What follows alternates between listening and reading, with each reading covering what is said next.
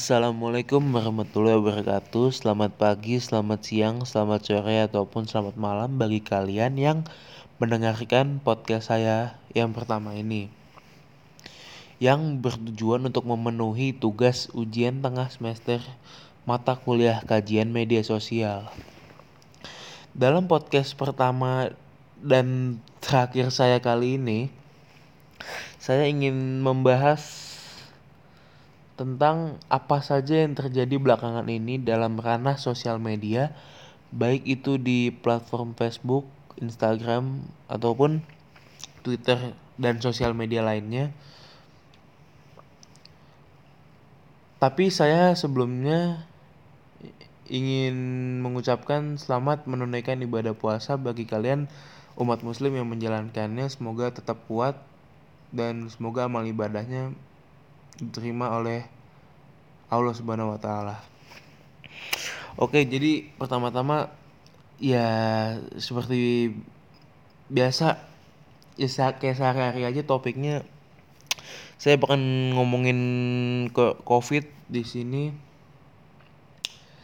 Tetapi saya tidak akan membicarakannya dengan cangkupan luas. Saya akan ingin hanya memfokuskan dampak coronavirus ini kepada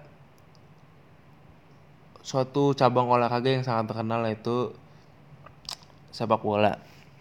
Karena belakangan ini semua Instagram di sosial media baik Instagram, Facebook, Twitter semuanya ya sama semua gitu pembahasannya yang di bidang sepak bolanya ya ya kayak mereka bikin podcast di rumah atau enggak mereka kayak saling video call sambil latihan kayak yang dilakuin oleh pemain-pemain Liverpool. Baik kalian nggak tahu Liverpool itu Liverpool itu klub dari Merseyside klub yang bermain di, di Liga Inggris ya. Ya mereka kayak training video call terus kayak ya telepon telepon gitu. Oh ada juga yang live Instagram kayak kemarin David Beckham. David Beckham tuh live sama live bareng sama Ronaldo Phenomenon bagi yang nggak tahu Ronaldo fenomenon tuh Ronaldo yang dari Brasil ya yang tahun 2002 mereka live bareng terus Ronaldo tuh Ronaldo juga ngadain live sendiri.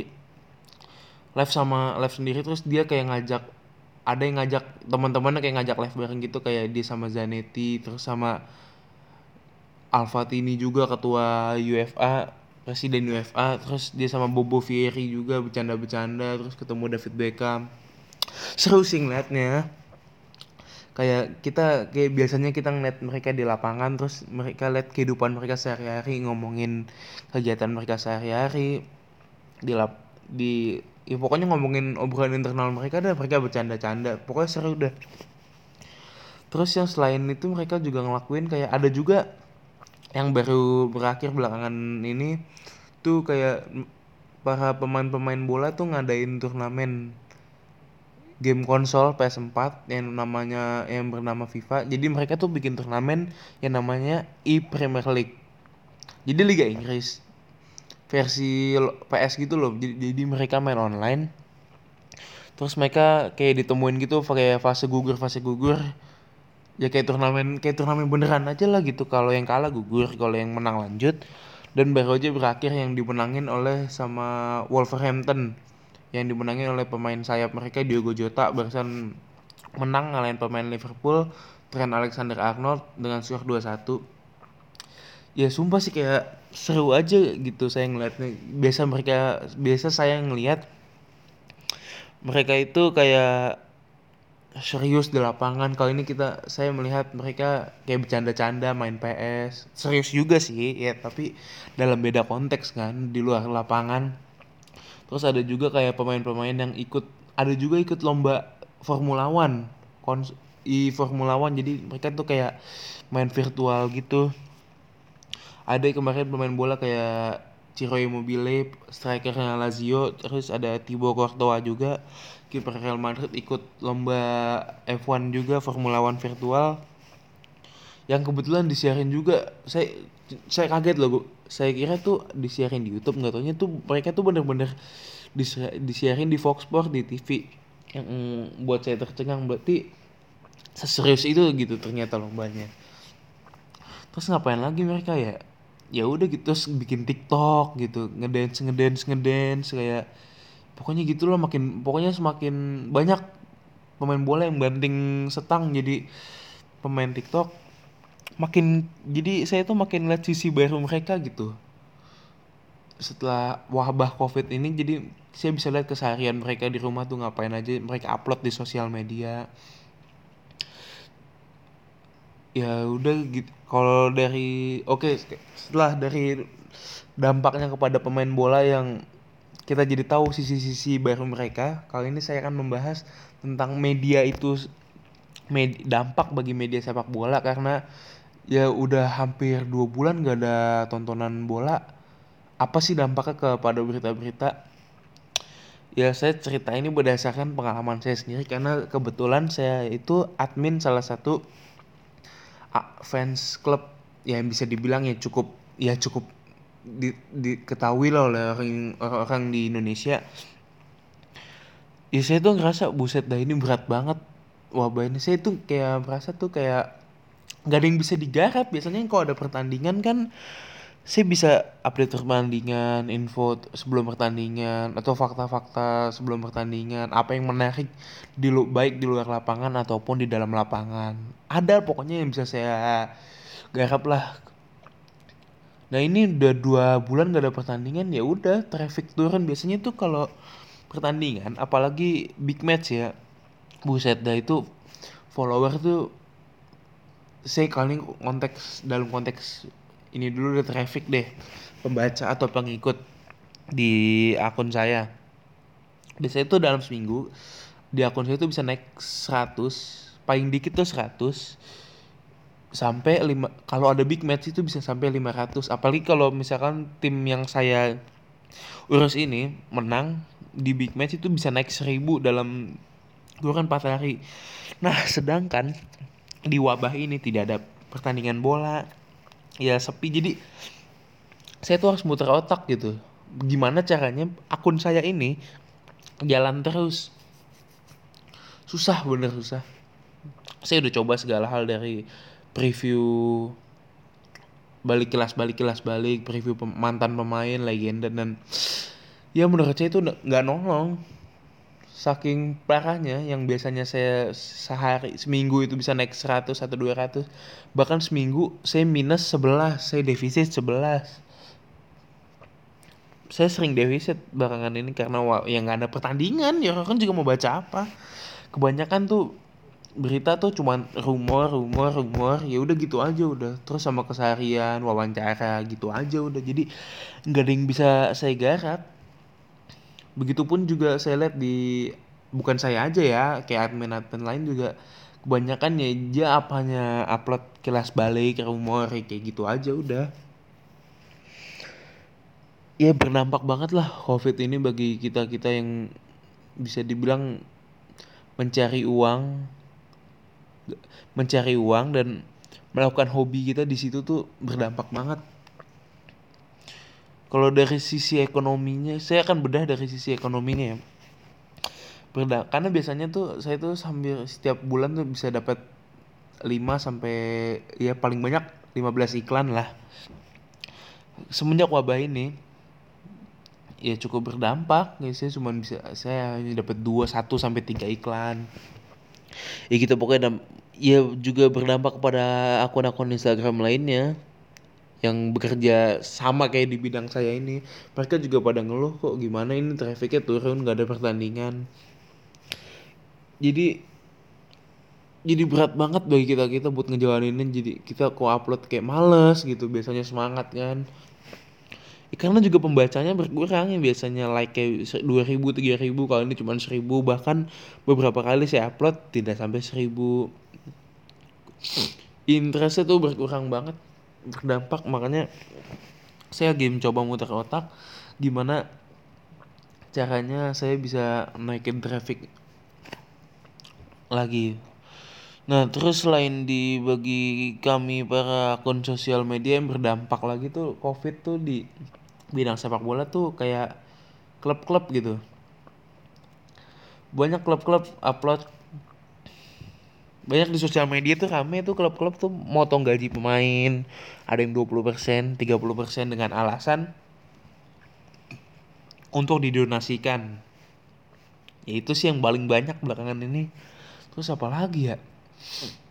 Sampai kagak ada yang bisa dibahas ini di podcast ini saking kok karena sepinya.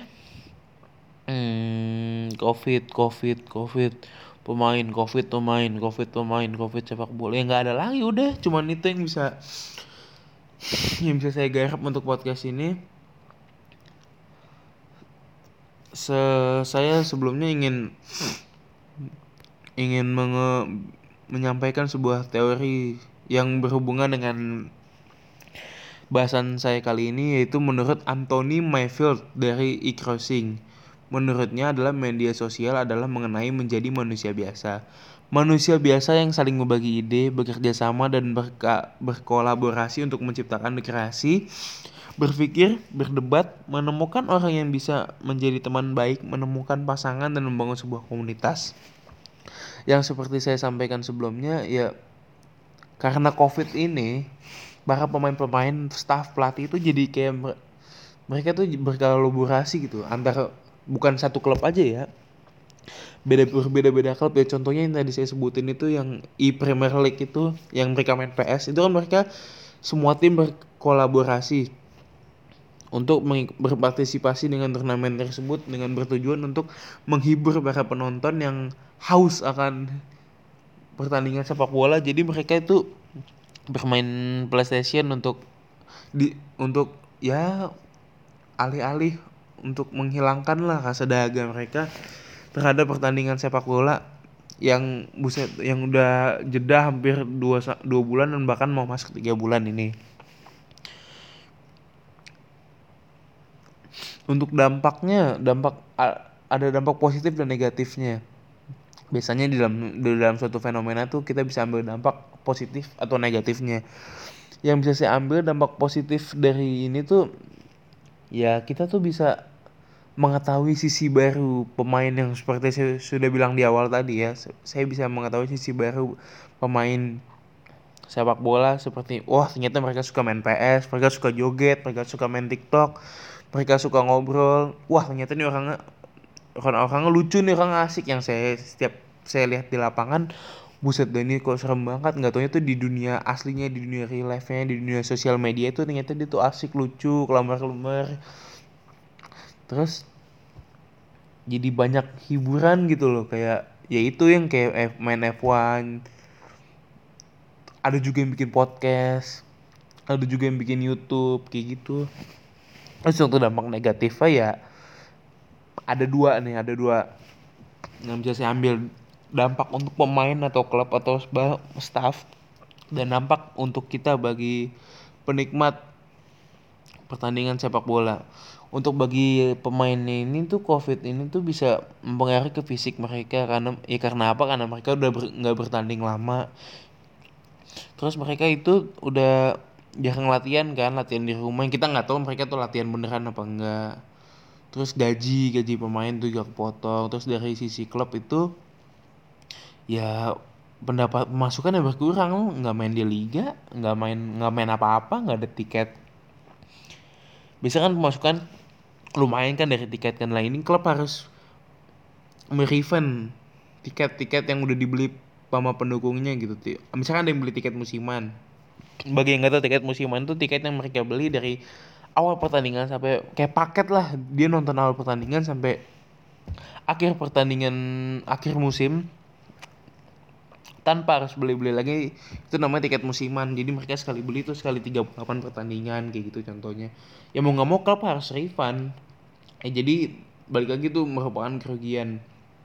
Kalau kerugian untuk penikmat sepak bola seperti saya atau seperti orang-orang lain yang suka nonton sepak bola itu ya kita haus akan pertandingan sepak bola kita haus akan berdebat tentang sepak bola kita haus akan begadang tiap tiap Sabtu atau Minggu kita begadang gitu nungguin pertandingan klub yang kita suka atau klub klub yang pengen kita nonton.